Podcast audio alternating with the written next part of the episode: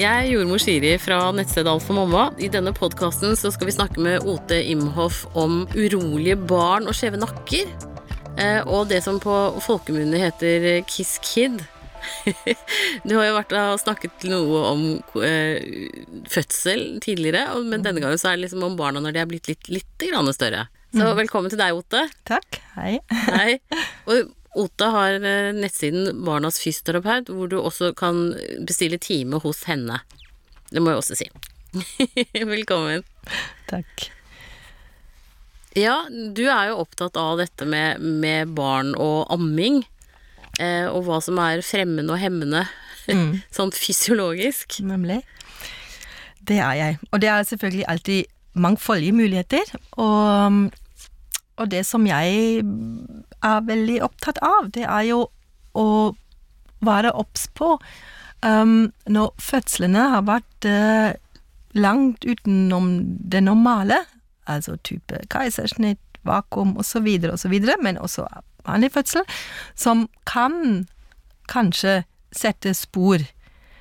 For um, hvis man bare setter seg inn i barnets sted og tenker seg inn i situasjonen i nakken, som er jo da det mest sårbare sted under en fødsel Ja, den Det blir jo vridd. Det blir vridd, og det blir bøyd, og det blir det ene og det andre. Um, sånn at av og til Og det brukes masse kraft, ja. Det er Mm. ikke, ikke sånn um, Ja. At man da må av og til sjekke så hvordan har dette gått, egentlig? Ja. Har det gått ut over noe? Selvfølgelig har en baby ikke en forbeinet skjelett, men de har, eh, de har et skjelett. Og det kan faktisk vise seg at en baby tatt gjentatte ganger med vakuum, eller blitt dratt ut med keisersnitt osv., Mm. at de uh, utvikler eh, det man sier på folkemunnen yndlingsside. Ja. Ja. Og da tenker jeg et øyeblikk her. Ja. Yndlingsside høres så hyggelig ut, som om det var så mye mer koselig å se på den ene siden enn på den andre. ja. Men i virkeligheten, når dette skjer for noen barn, at de utvikler det, og det går forholdsvis fort, noen få uker, så, så ser du at de ungene ikke klarer å snu hodet mot høyre og mot venstre. Eh, veldig ofte ser man også at hodefasongen former seg deretter. Det at det blir litt flatere på den Det siden blir litt flatere og litt skeivere og litt det ene og det andre. Mange varianter. Da må jeg bare føye til at det er ikke farlig for babyen om den blir litt flatere på den ene siden. Det er ikke Men det er et signal å lese. Nettopp, og det er et tegn på hoppla, du klarer ikke å se deg rundt alle veier. Nei. Én vei er lettere for deg enn den andre. Ja. Det er litt sånn som når vi har kink, på en måte, kanskje. Ja, det er litt sånn når vi har skink, så vil vi gjerne se alle veier, men én vei er ok, den andre vei er veldig kjipt Ja. og gjør vondt. Ja. Ja, og for hver gang jeg prøver å se den veien som har vondt, øh, ikke sant, Ja. blir man minnet på nei, hofta. sånn har babyene det også. Sånn har babyene antageligvis akkurat maken. Og for dem er det jo på en måte litt mer traumatisk, fordi de, de, de har ikke noe referanseramme. For dem blir det plutselig sånn nei, den ene siden er kjip, den andre siden er grei. Ja.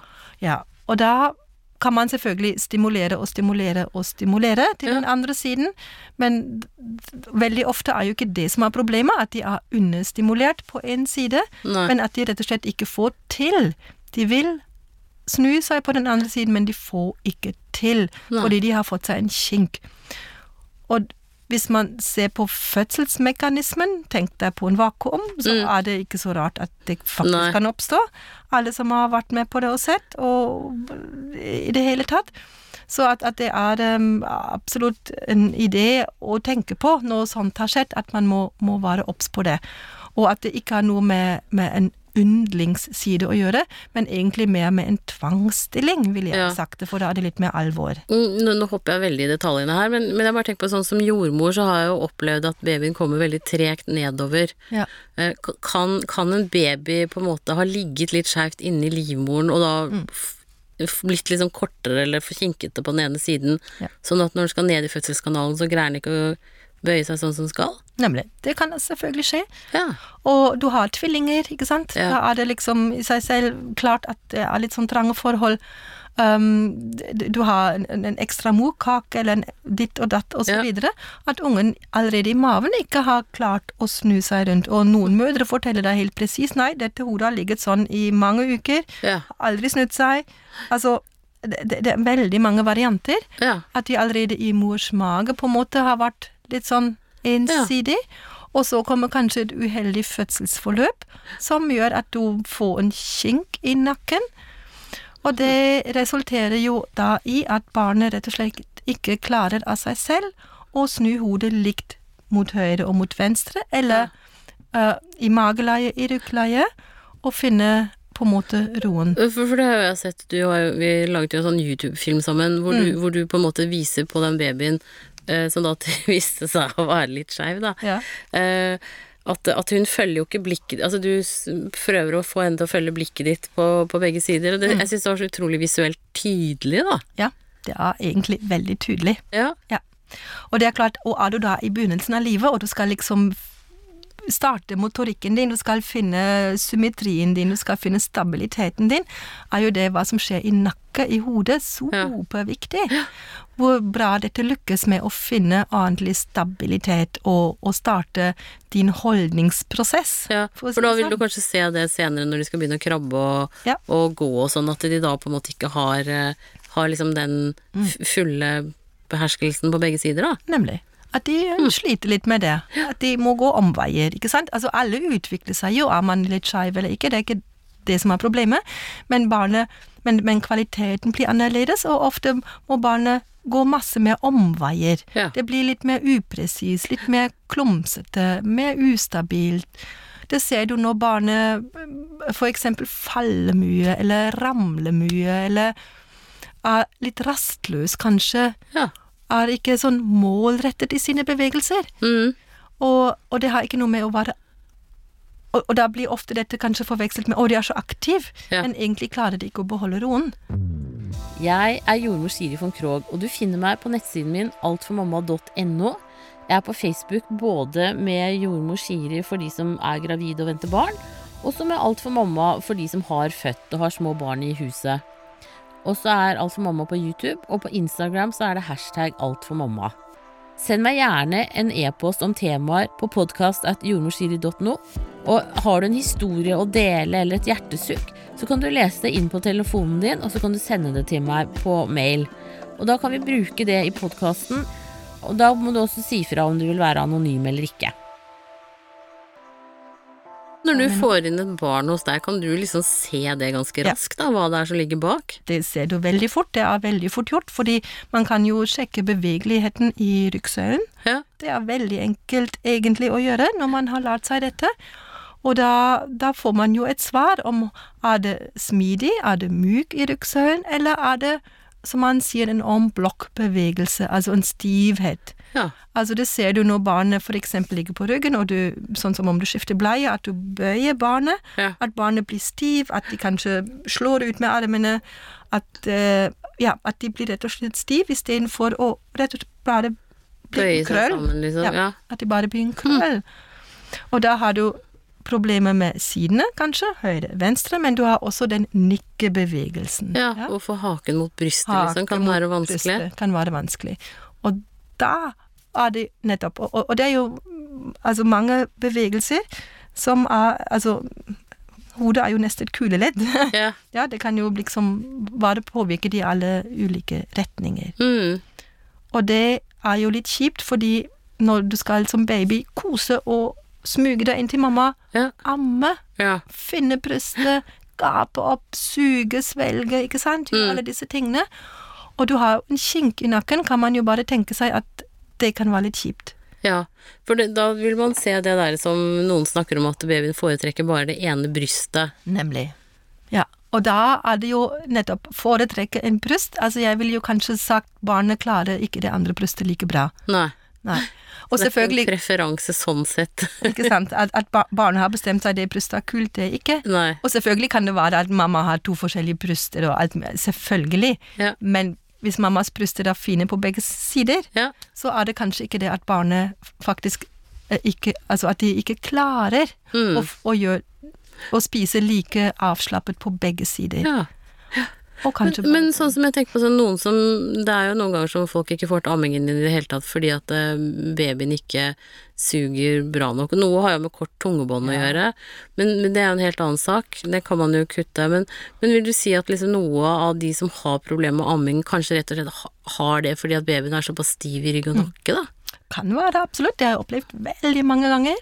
Ja. At det da kan rett og slett være årsaken til det. Og, det, og hvis det er det, så er det jo veldig enkelt egentlig å gjøre noe med det. Ja. For, for det, altså, når, når det er sånn, og du behandler dette her, så er de etter behandlingen, legger du de i brystet, og så plutselig kan de det. Mm. Ja? Og det Det viser jo du på den der YouTube-filmen også, hvor, Ja. hvor det egentlig handler om å demonstrere den puta. Ja, ikke sant? Ja. Men uh, det var ikke så veldig mye behandling som skulle til av den lille babyen. Det må ikke det. Og dess mindre en baby er, dess mindre behandling, ikke sant? Og, og, dess, og, og det er igjen så viktig å få til at amming blir kos. Ja. At ikke det blir stress, at mamma allerede gruer seg, babyen gruer seg, og bra, ikke sant? Så er Ja. man inne i dette surret, og kanskje får man ikke til. Altså at når amming ikke fungerer, og egentlig er alt fint i forhold til mammas bryster og så videre, og man vet barnet har hatt en kjip start i livet, at man sjekker ut det, Mm. og reparerer det. Mm, og så tenker jeg liksom at kanskje det sitter noen og hører på som har opplevd og hatt masse ammeproblemer og, Mm. og er forbi det stadiet nå. Da. Kanskje ungen er tre, fire, fem, seks, syv år gammel. Ja. Men da skjønner jeg at, har jeg skjønt fra deg tidligere at det er jo ikke for seint. Hvis den ungen på en måte virker, altså er litt dårlig koordinert eller er litt sånn engstelig person og sånn, så, så kan det faktisk ha en fordel å ta en tur og så sjekke Ja. hos deg. Det er absolutt. Hvis man ser eksempel at barnet sliter litt med balanse, Mm, de, de, de er litt mer observatør enn deltaker i leken, de faller mye, de er klumsete ja. og sånne ting. Og man vet fødselshistorien, så altså Selvfølgelig kan man alltid finne ut av det, for ryggsøylen er jo et superviktig sanseorgan for balanse ja. og alt det det innebærer. Så jeg har Altså, man kan alltid prøve å finne ut av og forbedre noe. Mm, Absolutt. Mm. Og sånn som barn som da er ukonsentrert og sånn, ville du da tenkt at det dette er veldig ledende spørsmål. Men at da kan jo det handle noe om at de egentlig sitter og er akkurat litt plaga med en stiv nakke, da. Ja, altså det, det, det, det er jo litt mer komplisert enn som så. For når du er baby, og du har en stiv nakke, og det ikke blir oppdaget, og da blir jo det da den gode, deilige nærkontakten blir jo ofte stress. Ja. De ligger ofte ikke så mye inntil mammaen. Nei. De er ofte litt mer kanskje vekk fra mammaen. De Ja. blir båret og busset og hva vet jeg. Altså det er ofte mye mer stress i starten av livet. Mm. Og det kan kanskje være allerede en start på at man er ukonsentrert, for når du har mye stress, så vet man det kan man ikke være oppmerksom og mm. konsentrert. Og det gjelder allerede på babyer, det ser du allerede hvordan de leker eller ikke, Mm. med hvilken intensitet, eller en rastløshet. Ja. Og da begynner det egentlig allerede at, at eh, den konsentrasjonsevnen, og den, den um, oppmerksomhetsevnen allerede i en høyst uh, stressmodus fra begynnelsen av. Og så blir det mer og mer tydelig, og når de da kommer på skolen hvor ting settes mer i system, Ja. da blir det helt Da blir det for mye. Ja, For du, man ser liksom for seg et barn med litt sånn uh, kraftig ekstramotor inni, Ja, på et vis. nemlig at de er egentlig rastløse. Ja. Og det kan hende at de egentlig aldri har ligget i mamma sin armkrok. Ja. At de aldri har klart å finne roen i ro. Det, ja. At de har funnet ro med en app og med en vibrasjonssittestol og med en føn og en støvsuger på gang. Ja. Altså, jeg forstår det? Altså, Mm. at, at, at det er en sånn massiv overstimulering fra starten Ja. som på en måte At de ungene egentlig som, Da må man nøste opp, så hvordan finner vi ro? Ja. Men eh, det har jeg aldri spurt han før, men, men sånn som ADHD og, og sånne ting som det mm, Blir det noe helt annet, eller kan man tenke at noen kan bli feildiagnostiserte? Det finnes nå en god del studier fra Europa som viser at barn med ADHD-symptomer egentlig har, no, en, en, har startet med en KISS og har utviklet en KID, altså dette urolige. Ja, Og ADHD er jo en symptomdiagnose, ja? okay. altså rastløshet. Ja. uoppmerksom, konsentrasjonsvansker. Det er ikke en blodprøve du tar og sier ah, du har ADHD. Det er en symptomdiagnose. Og du kan ha mange årsaker Ja. til at du kvalifiserer på en måte for dette ADHD. Mm, Men da trenger de jo noe annet enn medisin. ja, ikke Da må man jo starte Ja, og i hvert fall så kunne det kanskje vært veldig fordelaktig å prøve ut en runde hos en barnefysioterapeut, da, for å se hva Nemlig. det gir. Og nøste litt opp hva har skjedd her egentlig. Ja. Og ja. Men jeg blir sånn veldig nysgjerrig på Nå har jo jeg kjent deg i 30 år siden vi jobbet sammen på Ahus. Ja. begynner å bli gamle her, men, Ja, men, men fins det på en måte mange barnefysioterapeuter rundt omkring i Norge? ja no, det fins flere og flere, kanskje. Ja. Mm. Men en vanlig fysioterapeut, ville de kunne De går ikke på så spesifikt, nei. Nei. Så da er det på en måte, ja. Ja, men da skjønner jeg, men det er jo veldig fint at man kan treffe deg gjennom dine nettsider, da. Ja, så du må nok høre med fysioterapeuten om de har erfaring og kunnskap, for det, det, det, det lærer man i etterkant om disse tingene. Ja. Ja. Mm. Ja, men kanskje du skulle foreslå det som en del av fysioterapiutdannelsen? Så Ja. kunne man fått det. Det handler jo veldig om å forebygge, da. Ja. Eh, For et litt sånn urolig liv, kanskje, muligens. ja. I Tyskland er det det. Ja. I Tyskland er det det, og her i Norge er det ikke det foreløpig. Nei. Nei, da får vi kanskje slå et politisk slag for å prøve å få til det. Tja. Men tusen takk, Ote, for at du kom hit i dag. Og hvis dere vil komme i kontakt med Ote Imhoff, på, så er det å gå inn på hennes nettside som heter barnasfysioterapeut.no. Der eh, kan du ta kontakt med henne enten på, på mail eller telefon, og så eh, få stilt de spørsmålene du trenger, og eventuelt få behandling til barnet ditt hvis det skulle være nødvendig. Da ønsker jeg deg riktig lykke til videre, og husk å abonnere på denne podkasten, slik at du får varsel om nye episoder. Og opptakene er gjort hos Biovisjon Studios.